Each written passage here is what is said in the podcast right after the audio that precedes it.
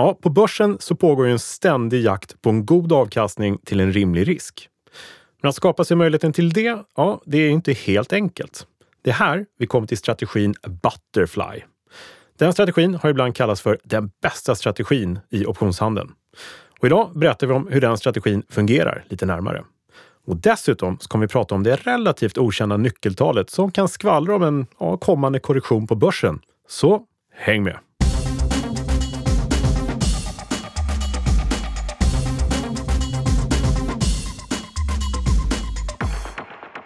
Ja, välkommen tillbaka till Optionspodden. Det här är podden som ger dig kunskaper som ingen privat nej, eller professionell investerare på börsen bör vara utan.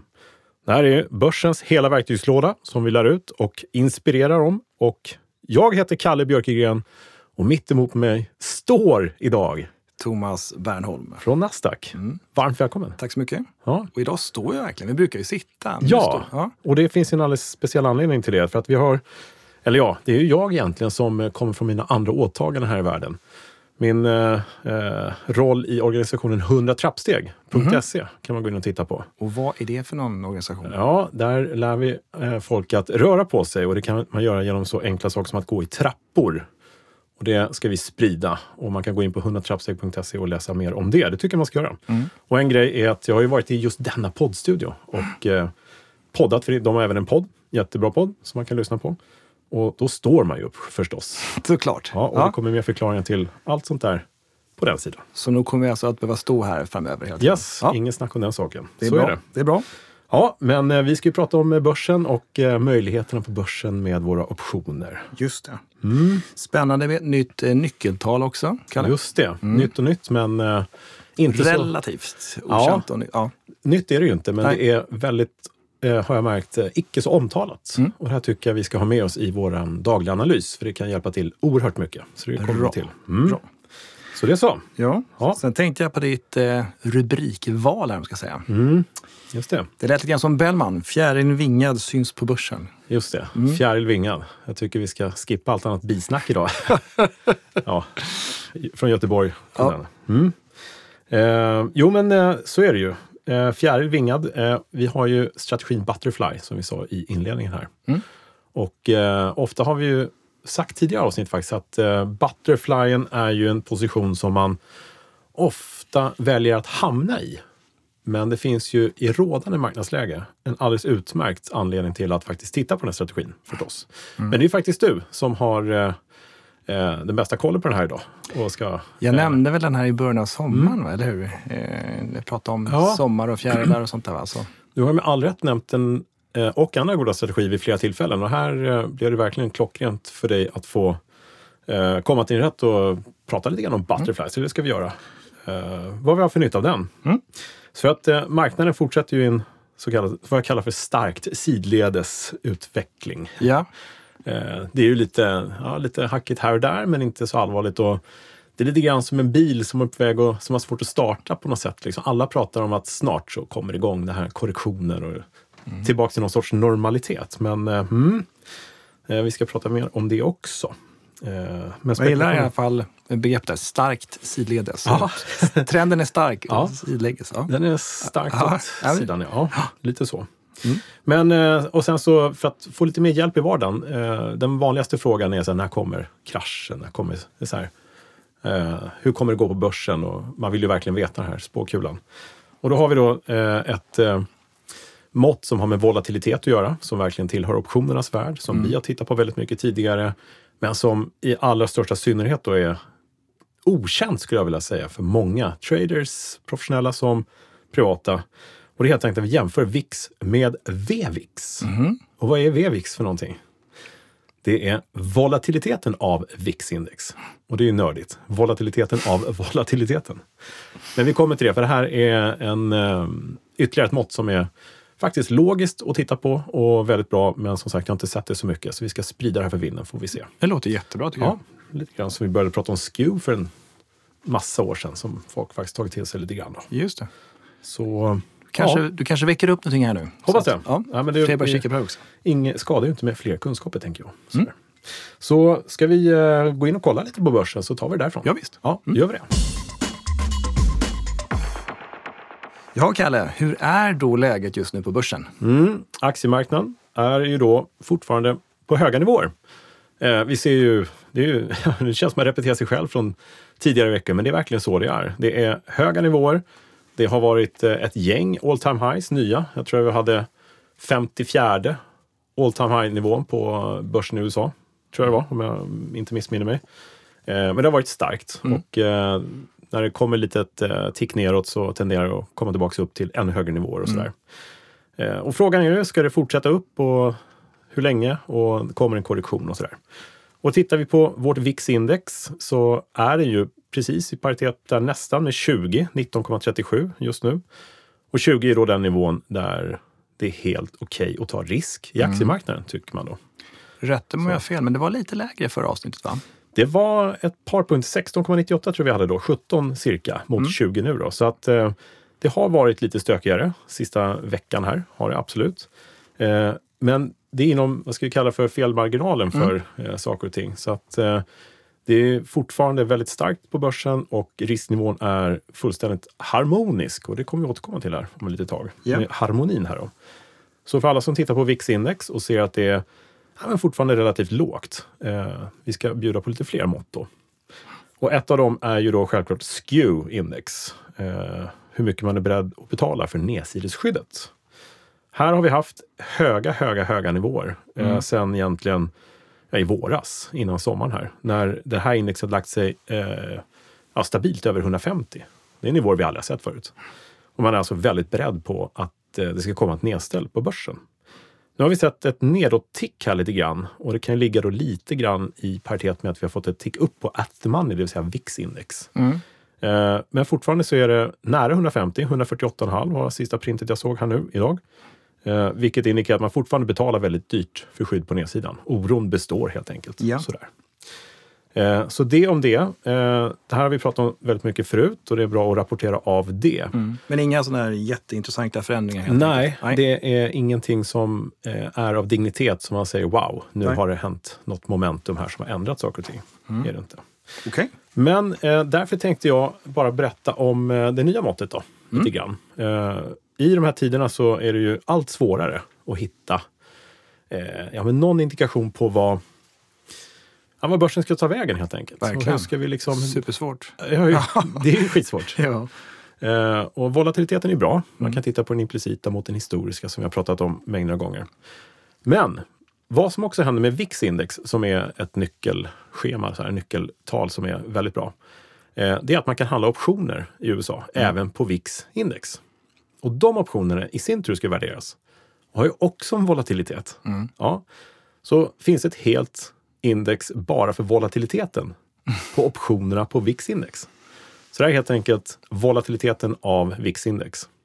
Eller vollen av vollen. Alltså väldigt mycket volatilitet. väldigt mycket volatilitet. Men vi benar ner det här, för att om vi jämför de här två, då får vi någonting helt nytt. Och det här tror jag inte många tittar på. Så mm. det här är bara ett gott tips.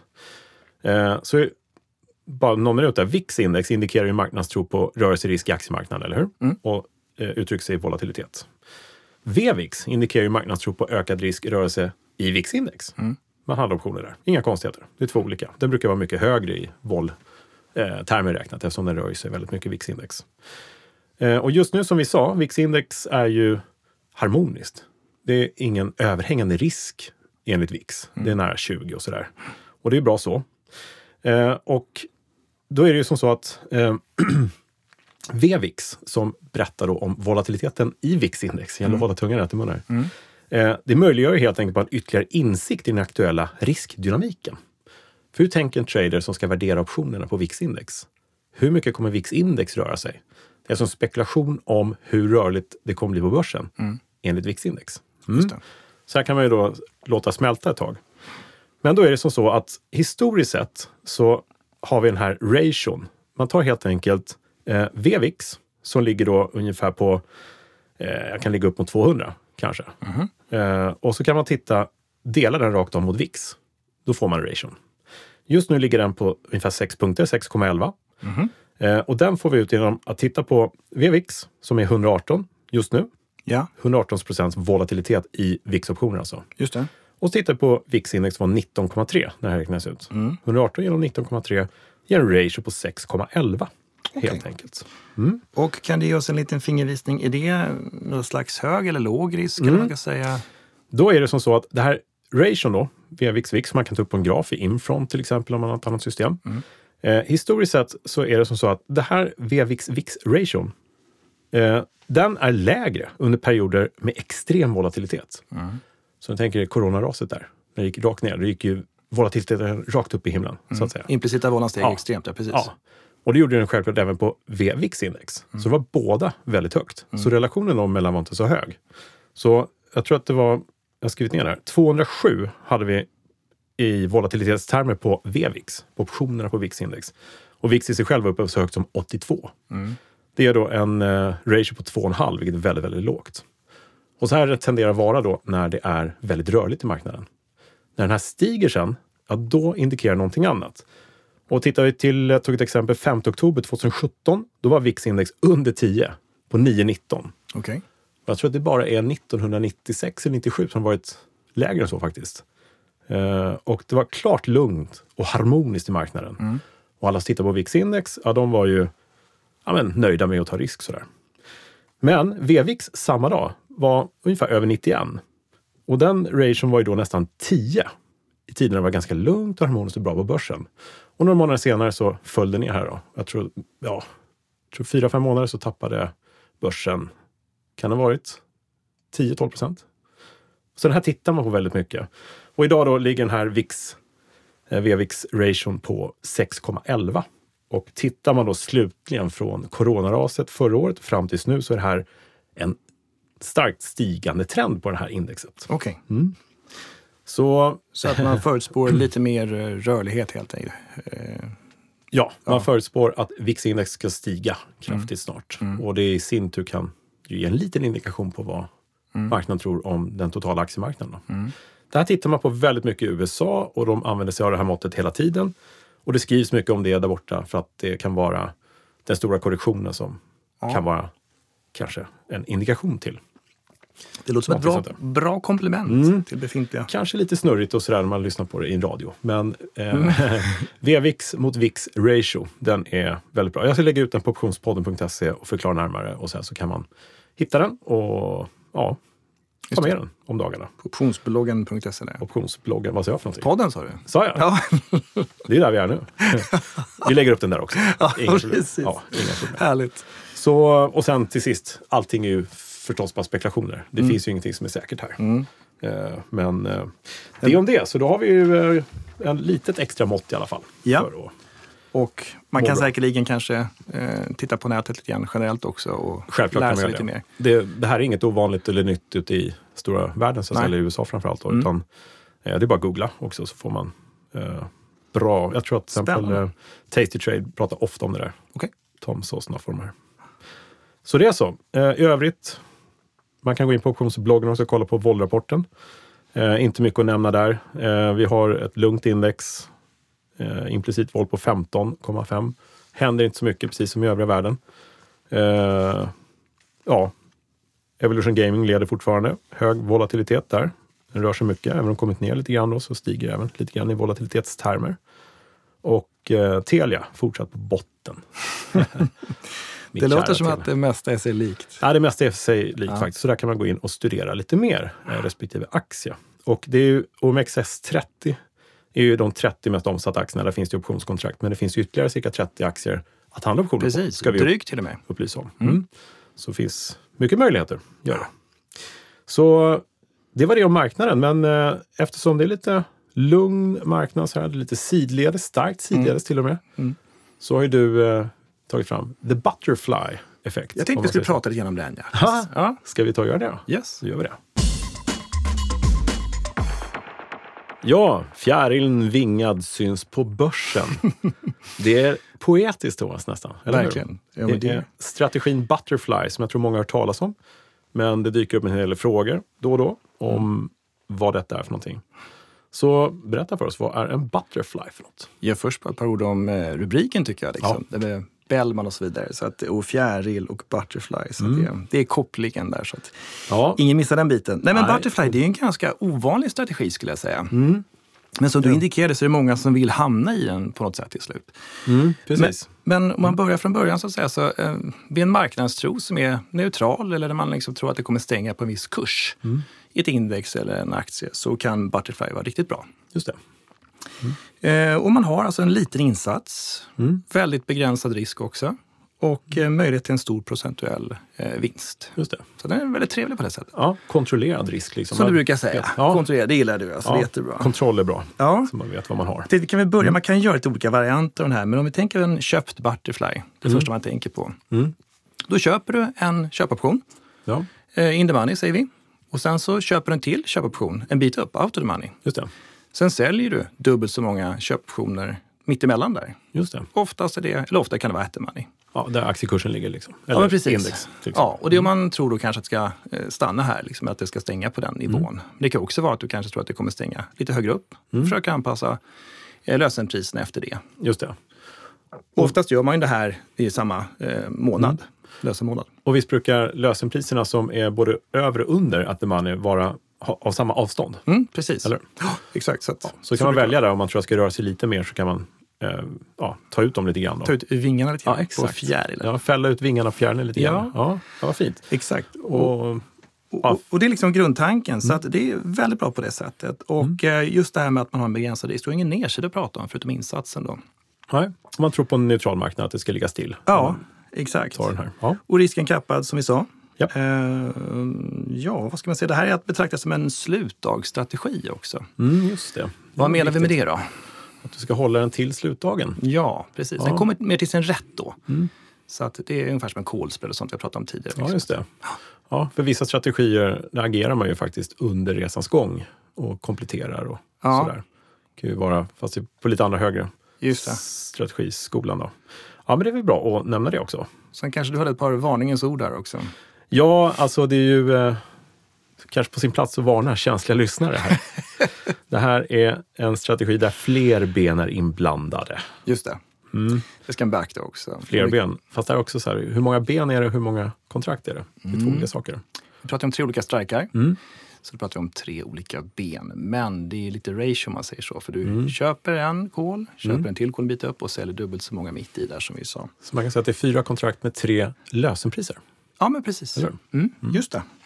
Det är lite tydligt. Ja. ja. Eh, men ska vi ge ett exempel på hur det här kan se ut då? Mm, nu kan... vill, vi, vill vi ha en strategi som är neutral så att vi får lite bra premium in till plånboken eller kontot mm. om det fortsätter vara lugnt och stilla. Exakt. Och ja. vi brukar ju prata om exempel som ligger runt 100 kronor så låt oss göra det nu också. Ja, det. Så att, säg att vi köper en kol på, med mm. Eh, Striker 95 ja. och vi säger att den kostar 6 kronor. Då. Mm. Så säljer vi dubbelt så många kols på, med Striker 100 så att vi får 3 kronor för dem. Och sen så kanske vi då köper en kol då med strike 105. Så löser priset 105. Just det. Och eh, den kostar 1,50 då, ja. så vi har någonting att gå på. 150. Och, och då tänker vi oss att 100-nivån i mitten där är ungefär vad underliggande ligger och att det ska önskvärt att ligga still där. Ja, precis. Inte röra sig så mycket just i det här Exakt. Så här vill vi alltså. Den här strategin kommer till sin rätt när, om det stänger på 100 helt enkelt. Mm. Ja, men precis. Ligger still. Ja, precis. Helt enkelt, ja. ja. Men skulle vi tro då att det ska stänga vid 105 lite upp, då kan mm. vi justera efter det såklart. Då. Ja, men visst. Mm. Och som marknaden är just nu så är det ju stillastående över tid. Sådär har det varit, eller mm. stillastående, men det har inte rört sig så himla mycket uppåt eller neråt faktiskt. Men om det nu gör det, då har vi ju en väldigt fin begränsad och kontrollerad riskbild här ja. på det vi har betalat. Verkligen. Det vill säga 1,50. Och det kan ju vara behagligt och bekvämt. Mm. Samtidigt som vi har mycket mer i maxvinst. Exakt. Har vi ju. Ja. Nej, precis. Nej, men som vi sa där, det kostar då 1,50 med tanke på 6 mm. betalar vi. Ja. Och sen 3 kronor gånger 2. Det är ja. plus minus noll och sen betalar vi 1,50. Precis. Så vi har alltså en, en maxvinst då som uppgår till eh, 5 minus 1,50, mm. det vill säga 3,50. Precis. Det är mitten, lösenpriset är på 100 minus det lägre lösenpriset som är 5. Mm. Sen har vi betalat 1,50. Ja. Så det är 3,50. Mm. Det här kan man ju sitta och rita på sen så man Just får in det om man är intresserad av det. Men det är ju faktiskt väldigt attraktiv, eh, riskkontrollerad. En av de mer eh, riskfria, ska jag säga, inte riskfria. den var skön. Ja, den var ja. väldigt skön. Ja. Med minst eh, riskbenägna strategierna vi har. Mm. faktiskt. Ja, men visst. Eh, så är väldigt behaglig på det sättet. Ja, men det är många som glömt bort den tror jag också. Mm. Men som vi har pratat om tidigare, eller du pratade om legobitar, Kalle. Mm, Man bygger liksom vidare. Ja. Så men det kan ju vara så att, som jag pratade om, du, du köper kanske en köpoption mm. och sen så känner du att ah, det här kanske ska vara en, en kolspread istället. Så utfärdar du så att det står en positiv prisspread eller kolspread. Ja. Sen kanske vi, alltså min favoritstrategi ratio-spreaden då, kanske ja, ett innehav. Det. det kan vara som utveckling till den. Sen mm. kan det ju vara så att det bara okej, okay, men nu kan jag köpa på mig en, en, eh, ytterligare en köpoption mm. så har det blivit en butterfly faktiskt. Exakt. Och det, du sa ratio mot innehav där till exempel. Just det. Bra exempel. Mm. Och där är risken i aktien man har på nedsidan. Precis. Går det ner där så har man aktien att förlora på. Mm. kan man begränsa via att man faktiskt säljer aktien, kompletterar istället med en köpt köpoption. Exakt. Vad får du då för strategi? Ja, då har du en butterfly. Då har du en butterfly. Exakt. Ja. Vi kan ta det en gång till. Du har ratio mot innehav, mm. då har du aktieinnehavet, mm. du har mm. köpt en kol och så har du mm. sålt dubbelt så många kol som bit upp. Yes. Ja, och sen ja. så släpper vi, i det här exemplet som du säger nu, mm. då släpper vi aktierna och så köper vi en kol en bit upp. Ja. Då har du ration där. Äh, förlåt, butterfly. Ja, just det. ja, det ser jag. Men det, det, det att hålla det rätt nummer. Men ja. då, det är ett perfekt sätt att uh, illustrera på. Du går mm. ifrån en, en ratio där, mot innehav där nedsidan faktiskt är markant. Om ja, det, nu ska ner mycket här. Och då är det ju riskfyllt. Mm. Men de som har det just nu, de kanske tänker, nej men jag säljer aktierna, får in likvida medel, safear dem mm. och jag köper en kol istället. Precis. Då, då är jag med precis som tidigare fast med en helt annan risk. Just det. Och sen såklart så kan man säga att eh, Butterflyen, det, du tjänar ju pengar eh, at, at the money i det här fallet. Mm. Liksom. Så att eh, det är klart, går det upp mycket så då, då går miste om din premie du har betalat. Ja, men för, precis. Så att, uh, ja, men, men visst. Jag tycker att uh, om man ska försöka uh, i radio så här, försöka illustrera så är det ju, som du sa, bygga lego. Mm. då hade vi en köpoption, en kol. Och det är ju bra. Mm. Men om vi vill kappa uppsidan där och få den lite billigare, då säljer vi en annan kol emot. Då får mm. vi en kolspread. Mm. En så kallad köpt kolspread. Gör den åt andra hållet så är det en såld kolspread. Men tar vi en köpt kolspread och lägger på en såld kolspread, vad får vi då för strategi? En butterfly! Precis. Ja, så att man kan bygga ihop det på lite olika sätt. Exakt. Uh, och det är ju ingenting man behöver kunna som ett rinnande vatten innan man ger sig i kast med den här strategin. Men Nej. det kan vara bra att veta att det faktiskt finns enkla medel och Eh, och inte svårt att lära sig heller. Bara lite studier, lite utbildning så sitter de här grejerna. Precis. Och då har man full flexibilitet i aktiemarknaden sen. Ja. Och det är lite det vi Nej, men just alltså, Vi betonar här kreativiteten kanske. Ja, det är inte precis. någon uppmuntrande uppmaning att göra på det ena eller andra sättet. Men det är snart, det finns möjlighet att bara skifta så är det på en helt annan strategi. Ja, men visst. Precis. Så kan. Nej, och sen finns det varianter. Du kan skapa en butterfly på olika sätt. Mm, och det finns något som heter Iron Butterfly också. Ja, just det. Järnfjäril. Ja, precis. Ja. Och det är egentligen att du köper en kolspread och eh, säljer en putsbredd. Mm, så får du samma effekt. Ja, mm. och där kan man nämna för de som undrar om man säljer en Butterfly vanlig. Då får man ju, alltså om man tänker sig grafen, blir den bara upp och ner så att säga. Ja. Då vill vi inte att det ska ligga still. Då vill vi att det ska röra på sig, ja. naturligtvis. Exakt. Och sen kan man göra det med både kols och puts och då är faktiskt graferna inte nämnvärt annorlunda faktiskt. Nej. Så där kan man ju, för att förstå det bäst, simulera alldeles själv i ett Excel-ark eller någonting. Precis. Och, och, tycker man att det här är knepigt och reda ut, man kanske inte ser det framför sig direkt när vi pratar så här i en podd. Mm. Så men känner man till däremot en strut och en vagga, mm. kan du se butterflyen som att du har utfärdad, utfärdat en strut. Mm. Och sen har du köpt en vagga mot det. Du har mm. köpt vingar så att säga. Ja. Så fjärden får vingar där. Köpt vingar för pengarna? Ja, just det. Ja. Precis. Det har vi varit inne på någon gång förut också. Ja, mm. Eh, ja så, eh, så, kan man också se det. Ja, men det är bra. Mm. Och eh, sen vet jag att jag får ofta frågor om Iron Condor. Och det är också en variant, mm. får man lov att säga. Ser mm. ungefär likadant ut, fast det är en, ska säga... Eh, Större vingspann? Ja, det är det. Mm. Och sen så är det väl ett tak på den grafen, så att säga, på uppsidan. Mm. Där du har liksom inte riktigt samma men det här, nej, det här är precis inte samma spets. Men den är ju eh, mycket väl omtalad i utlandet, mm. Iron Condor. Ja, visst. Många som pratar om den. Och vi har väl också nämnt den tidigare vill jag minnas. Men det blir alldeles ja, har här. Ja, ja, det har vi. Ja, precis. Men Så. på tal med massa strategier. Mm. Eh, jag vill egentligen bara än en gång slå ett slag för att det finns ju faktiskt väldigt mycket man kan titta på i dessa i denna marknadssituation. Ja. Förutsatt att man tror att det ligger ganska stilla eller kanske går lite uppåt, ja, som det har gjort nu. Mm. Stark sidlänge som du sa. Stark sidledes marknadsutveckling. Nej, men jag tänkte man kan bara rabbla igen lite strategi. Vi ska inte gå in på dem eh, Nej. på djupet då, men jag noterar lite grann här. Och, mm. Eh, jag menar, du har ju covered callen. Den är bra ja. Du har ju callspreaden. Absolut. Utfärdad putt. Mm. Eh, såld putspread. Just det, två långa positioner, tjänar på lite mm. uppgång där. Ja, ja, och även en stillastående gör i alla fall ståla putten där. Liksom, så att det Ja. Kolspread behöver kanske lite mer rörelse förstås. Då. Yes. Sen har vi ju eh, trebeningen. Träbeningen, ja. Precis, ja. Med, med ä. Ja. Sen har vi ratio-spreaden. Ja. Eh, ratio mot innehav. Mm. Butterfly som vi pratar om nu. Just det. Iron Butterfly. Ja. Såld strut, såld vagga, såld vagga mot innehav. Tidsbreddar. Och då kan vi prata om neutrala och diagonala. Mm. Iron Condor som du vill prata om här nu.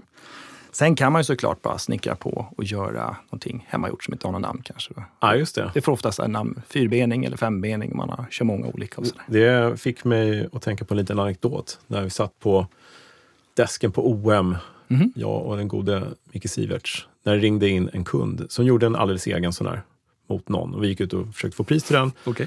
Och det var en mot två mot tre, eller jag kommer inte ihåg något sånt där. Ja. Och så sa Micke Sivert, Ja, men du, din top table ratio, vi har ett pris i den. Två dagar senare ringde en annan kund, helt, var inte inkopplad bara. Du, jag skulle vilja göra en sån här top table ratio.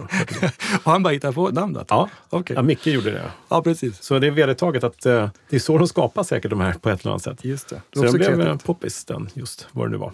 Men du kanske ska nämna Mikael Sivert, han har varit på börsen väldigt länge, varit mäklare sedan start. Ja, nästan. en av mina mentorer från ja. start. Kul! Så, um, du, det finns mycket strategier. Det gör det. Nej, men ja, absolut. Gör det. Det här blev nog 14 stycken som vi nämnde här. Ska vi ta dem en och en från början då? Nej, jag sitter och somnar på den här sidan. Här. Men faktum är att eh, om man går tillbaka till avsnitten vi har spelat in här mm. så är det ju... Eh, då nämner vi de här allihop, mm. om man är intresserad av att höra mer om någon av dem. Så det är bara att bläddra bland avsnitten nu faktiskt. Numera. Just det, jag noterar nu att det var avsnitt nummer 40 här också, så det ja. finns en del att titta på. Eller börjar... lyssna på det ska jag säga. Titta säger jag. ja, det kan man också göra. Titta ja. på. Men eh, ja, det, det börjar bli lite eh, bra material i banken och bra ehm, eh, ja, men utbildningsavsnitt och förhoppningsvis lite information längs vägen som mm. vi har delat med oss av. Vad har vi nu mm. mer på agendan för dagen? Ja, du, vi varnade ju känsliga lyssnare här för att det är strategier med flera ben vi pratar om. Ja, det. det slog mig bara att eh, det finns ju någonting vi kallar för execution risk. Just det. Och redan i en kolspread till exempel, putspread med två olika kontrakt, så måste man ju först exekvera det ena och sen det andra. Mm. Däremellan kan världen rasa. Ja, det kan hända.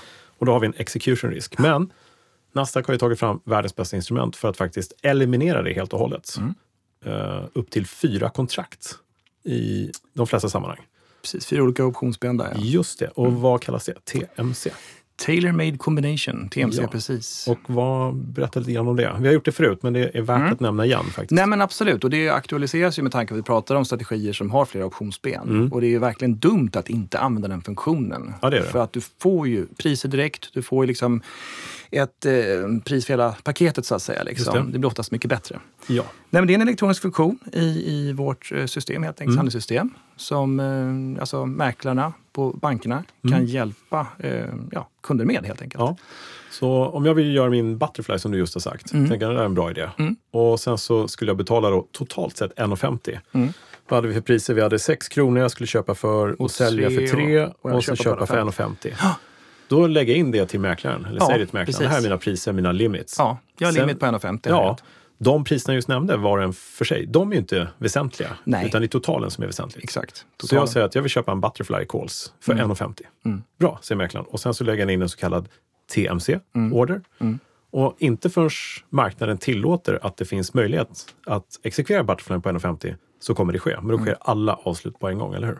Absolut. Det sker, alltså, då är ingen execution risk kvar. Nej. Oftast får du upp direkt på, på någon sekund, får du upp mm. kanske ett offer helt enkelt. Ja, men okej, jag vill ha två kronor, ja, under 75 och ja, just det. Sen kanske man tajtar till det och så möts man och ja. justerar lite grann. det är som alla vanliga kontrakt fast det Absolut. är flera inblandade. Väldigt bekvämt ja. och riskfritt i den bemärkelsen att du slipper bli hängandes med mm. en grej. Du, så trist att behöva jaga, alltså börja röra på sig som du sa. Ja, då tvekar man och sen så kanske går Ja, så att TMC kolla mm. upp det med er bank mm. eller med din bank och uh, titta på det speciellt. Ja. Och det kan ju vara också bara när du sa ju kodspel till exempel, mm. det är ett ypperligt uh, tillfälle liksom att använda det. Men även också en rullning. Ja. Man kanske bara man har utfärdad säljoption, vill rulla till nästa månad. Yes. Titta på TMC. Ja, vi har fått, jag har faktiskt fått mycket frågor om dem. Mm. Uh, och två saker jag tänker på är att det finns ju redan ett sånt här kontrakt. Det är terminsbytet, mm. alltså när man ska rulla terminspositioner från månad till månad. Mm. Det mest omsatta kontraktet förmodligen den tredje veckan i varje månad. Eh, och där går det automatiskt. Och det kan ju vara kosta en krona eller två kronor eller minus kan det faktiskt kosta mm. om det är mm. utdelningar under ja, löptiderna. Sådär också. Mm. Eh, det andra är, jag fick en fråga, hur kan det funka? hur går det till liksom? Med mm. att, uh, hur kan börsen exekvera alla på en gång och sådär? Mm. Och då är det så kallade betespriser va? Ja, det, det kan förekomma också. Ja, så att man lägger upp ett pris som är ditt pris som ett bete för att alla de andra ska kunna exekvera samtidigt. Då. Mm. Uh, och då kanske man bättrar bid eller offer i ena optionsbenet för att det ska gå ihop. Och är det någon som hugger där, ja, då exekveras de andra samtidigt. Mm. till exempel. Då. Det är ganska sofistikerat. Ja, men det är det. Ja. Det är faktiskt ganska coolt. Men sen kan det också mm. vara att någon bara går emot rakt av och bara, okej, okay, fixar. Mm. Eh, slår på allting. Liksom, så att det, ja. ja. Nej, men det, TMC, titta på det. Det är mm. verkligen ett hur bra verktyg som helst att ha med sig. Så mm. slipper man riskera saker och ting i onödan. Yes. Eh, apropå frågor, ska vi kolla lite frågor från övriga eh, lyssnare? Ja. Ska vi göra det? Det, det har kommit ett, ett gäng kan jag säga. Ja. Vi tar det. Ja du Thomas, det, sprutar in frågor till eh, Optionspodden här. Vad roligt. Ja. Mm. Eh, och varje gång så märker jag mig själv säga att jag är ledsen om vi inte hinner svara på allt. Jag försöker svara på det mesta. Men eh, mm, det är inte allt man hinner med. Jag förstår, det är lite övermäktigt ibland. Mm, det, men eh, det är kul att det kommer frågor och vi tar med eh, några som är snarlika avsnittets eh, liksom, tema och eh, de som har kommit ofta här. Då. Mm. Och här är faktiskt en som heter Thomas. Jag tror inte det är du, eller kanske du som har gått in och frågat. Nej, det är det inte. Det är en annan Thomas. Han frågar så här, hur kan man bäst förbereda sig för en nedgång på börsen utan att förlora så mycket på fel timing? Mm. det är en jättebra fråga. Ja, det är det ju. Mm. Och finns ju kanske inget superenkelt svar, men det finns ju saker man kan göra. Precis. Jag förmodar att eh, Thomas här undrar, eller tänker som man köper försäkringen på nedsidan mm. hela tiden mm. och det blir kostsamt. Om det ja, ja, visst. Precis. Precis. Uh, och det vi pratar om i SKEW till exempel, som ett exempel, sådär då, mm. är ju att uh, det är nedsidan och i uh, reda pengar så är ju de optionerna mycket billigare på nedsidan. Och sen så, just nu när volatiliteten är låg och alla optioner är billiga relativt sett, det blir lite dyrare på nedsidan då, men om det nu kommer ner och mm. går ner väldigt mycket, ja, då kommer de här få en hävstångseffekt, tänker man sig då, och sen så blir det en bra utväxling. Mm. Så en, en del av marknaden gör ju verkligen så, eh, att de betalar billigare premium för nedsidesoptioner som de har vid var tid. Och då är det ju kanske ja, det är en bra förberedelse för nedgång. Eh, och tajmingen blir inte riktigt lika känslosam där med eh, kronor och ören mm. på nedsidan. Nej men precis. Nej, men alltså, vad man spontant kan säga här, det är såklart om man köper en lite längre option. Mm med lång löptid helt enkelt. Mm. Då har du inte så mycket TETA, du förlorar inte så mycket, du har en lång försäkring. Mm. Och man kan ju göra saker emot den såklart. Man, ja, kan, visst. man kan göra tidsbreddar. Ja. Och vi kan ju, ja, menar, köpta puttar har vi pratat mm. om, men man ja. kanske gör fens eller collar då, då också. kan man göra, just det. det vill säga säljer en call och köper en putt för, mm. för premien. Ja. Uh. Uh, absolut, ja, det finns ju mycket sånt man kan göra. Mm. Uh, jag skulle vilja slå slag för det ultimata svaret på det här, mm. den här frågan. Och det är vid var tid en optimal och god planering, en bra tradingplan och vara aktiv mm. på börsen som man är med optionshandel. Och lägga nivåer liksom på nedsidan till exempel. Kommer det hit, kommer det dit, då är jag beredd att agera på det här eller det där sättet. Går det inte som jag vill, då gör jag så här. Mm. Det kan vara svårt nog att komma på innan. Men tro mig, det är svårare när man väl hamnar där utan en plan. Precis. Så en god planering och det du just sa med ja. spreadarna där är ju förmodligen det bästa svaret. Mm. Och det kan vara, man kanske tror på en begränsad nedgång. Då kanske ja. man istället för att köpa en puts och köpa en dubbelt så många putsbreddar. Och, Exakt. Och sen, jag kommer alltid tillbaka till ratio mot innehav känner jag, men det mm. kan ju mm. vara så att man kanske har 2000 aktier, mm. släpper mm. hälften och så kör en ratio mot innehav istället. Då har du fortfarande en fin uppsida på kanske 5% någonting, men då har halva nedsidan. Just det. Den är jättetrevlig. I vår Evolution Gaming-strategi där, såld strut mot halva innehavet som du säljer. Ja, eh, just det. Det är klart, då har man också eh, kanske lite mer risk på aktieinnehavet. Och, så är det ju. Ja, men visst, men, men det, det finns mycket man kan titta ja. på. Eh, absolut, men om vi går till nästa fråga då, mm. eh, som är lite i paritet. Det Jens som frågar, hur kan man utnyttja volatilitetsfaktorn till sin egen fördel?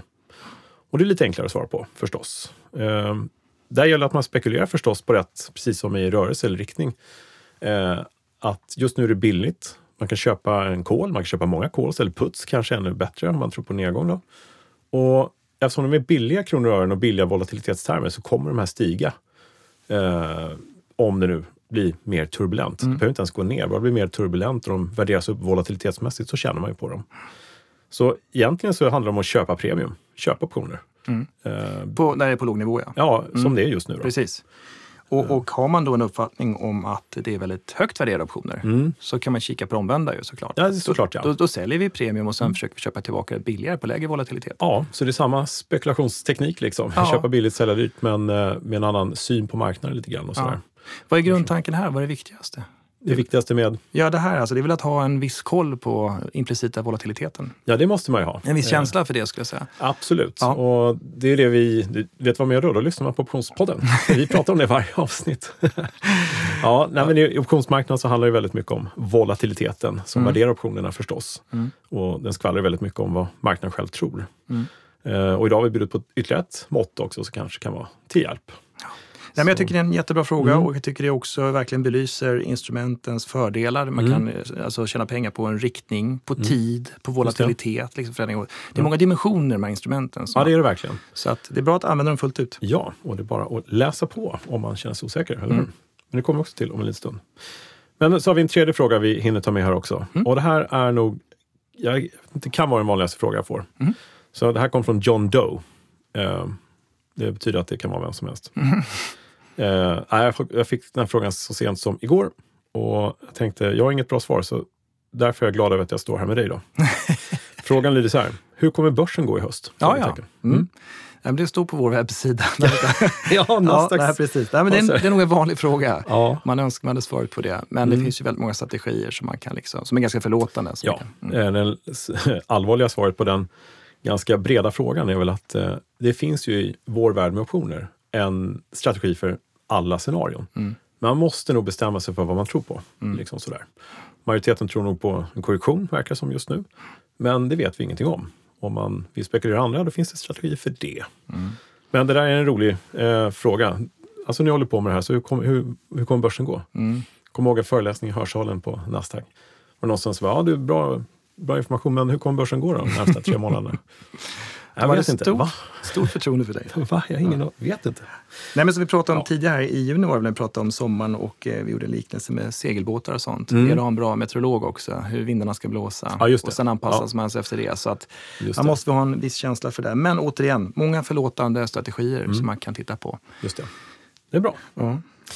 Du, men du, på tal, vi pratar ju om, om utbildning och kunskaper och sådana ja, saker också. Det. Och det får vi passa på att nämna igen. Vi hade ju jätte, det stora nöjet skulle jag säga att ha Issa Sener med förra avsnittet ja. och prata. Och han belyste också det här med eh, kunskap, hur viktigt det är. Både på alltså privatpersoners nivå och mm. på professionellas nivå. Och så där. Mm. Ja men det är det ju förstås. Mm. Och ju mer man kan desto bättre förstås. Precis, och så att, eh, mm. det finns ju en hel del. Mm. Du jobbar ju hela tiden med utbildning och ja, eh, vi arrangerar för institutioner och sånt mm. också. Det finns ju mycket att kika på. Ja, men det gör det. Och eh, vi har ju ständigt samarbete också, vi med. Alltså Nasdaq är ju med mm. och gör allt som är möjligt att göra. Och eh, eh vi har just nu eh, lite drive under hösten här med eh, fondbolag och mäklare och sånt där, men mm. även också mot andra som vill ha. Så det är bara att höra av sig och det är många som har gjort faktiskt. Så mm. eh, det är kul att det finns intresse. Bra. För det är bra kunskaper att ha. Just det. Ja, ja. Men du, har du något ordspråk eller något liknande roligt? Jag menar, eh. ingenting på Bellman-temat antar jag? Ja, ja, jo. När levde han egentligen, Bellman? Bellman levde 1740 till 1795, mm. tror jag. Fan vad jag ljuger, jag har läst på, jag vet exakt vad... jag misstänkte. 55 år gammal. Jag lät smart i en sekund mm. Eh, ja, han, 50, han var ganska ung mm. Eh, när han gick bort. Men det gjorde han. Nej, men hans ordspråk är lite väl poetiska, till och med för oss kanske. Man får nästan sjunga dem också. Vad sa du? Man får nästan sjunga ja, dem. Ja, mm. precis. Vi kan komma till ett annat avsnitt kanske. Ja, kanske det. Jo, men eh, nej, det finns en eh, välkänd investerare vid sidan av Warren Buffett som vi ofta använder oss av. Mm. Eh, han hade världens bästa fond, utsågs till det. Mm. Eh, det väl 30 år sedan kanske. Då, jag vet inte hur det är nu. En av världens främsta investerare, snittade väl 30 procent om året. Okay. Spöade börsen hela tiden. Peter Lynch. Just det. Eh, han sa mycket kloka saker. Han var ganska rätt fram i sina eh, uttalanden. Men han sa bland annat att all matematik du behöver på aktiemarknaden, det lär du dig i fjärde klass. Och det tycker jag kan passa rätt bra. Vi sitter och pratar om ratios och det är mycket volatiliteter och skew och grejer. Aha. Men kan du plus och minus på riktigt, det, det räcker faktiskt rätt långt. Det är mm. klart, vill du gå in i differentialekvationer och sånt där, hör av dig. Du kan få mycket sånt, men det behöver man liksom inte. Ja. Det är mer för den som är matematiskt superintresserad. Eh, och jag antar att det är lite avdelningen, det går att lära sig det här för alla. Det är inga konstigheter. Mm. Faktiskt, för de som tycker att det, åh, det känns svårt. Det ska vi ändra på. Så det är så. Men hör du, eh, tiden går ju som vanligt fort här. Ja. Eh, och vi har delat med oss av eh, en Butterfly idag och vi har delat med oss av ett nytt litet riskmått, mm, VVIX, VVIX ratio ja. där. Ration. så att därmed, har du någonting mer som du vill tillägga idag? Sådär i övrigt? Eller nöjd? Nej, utan det är väl kanske bara mm. att det kommer att komma frågor på det här VVIX så att vi kanske ja. um, tar upp det i något senare avsnitt igen. Pratar lite mer om ja, det kanske. Ser också. Tänkte vi kan ta med det standard liksom ja, i, jättebra. så vi betar av det och ser vad marknaden säger. Mm. Och följer upp det så ser att det funkar också. Sådär. Nej, jag har ingenting uh, mer. Utan... Nej. Men uh, då så, podden är ju snart tillbaka med strategier, kunskaper och gäster. Mm. Och spännande gäster har vi på gång också. Verkligen. Vi får väl se vad vi kan komma, komma upp med här. Ja. Hör du, eh, man kan titta in på optionsplay.se eh, och kolla, leka med det instrumentet. Det finns mm. videoklipp där, utbildningar mm. och massa sådana saker. Optionsverktyg som nämnde jag precis. Yes. Ja, det fina där tycker jag är att man har ju analysverktyget också. Just så man kan liksom få den från aktievärlden också. Mm. Mycket teknisk analys. Ja, precis. Så kombinera det är ju ja. fantastiskt. Grafer och grejer. Yes. Tidigare avsnitt optionspodden.se. Eh, allt om optioner på optionsbloggen.se. Eh, ja, jag nås på Twitter kanske enklast, att C Björkegren. Eh, ja, sen så har jag inte någon mer reklam att göra. Den här gången. Jo, vi måste säga en sak. Tack snälla Smile Studios. Ja, verkligen. Fantastiskt. Vi är lika väl behandlade som alltid och idag fick vi stå upp precis och prata. Ja, kändes bra. Ja, tycker jag också. Så det gör vi härmed varje avsnitt resten av livet också. Okay. Står upp. Du, tack för idag. Tack för idag. Vi hörs, hörs snart. snart. Ja, det gör vi. Fint. Hej. Hej.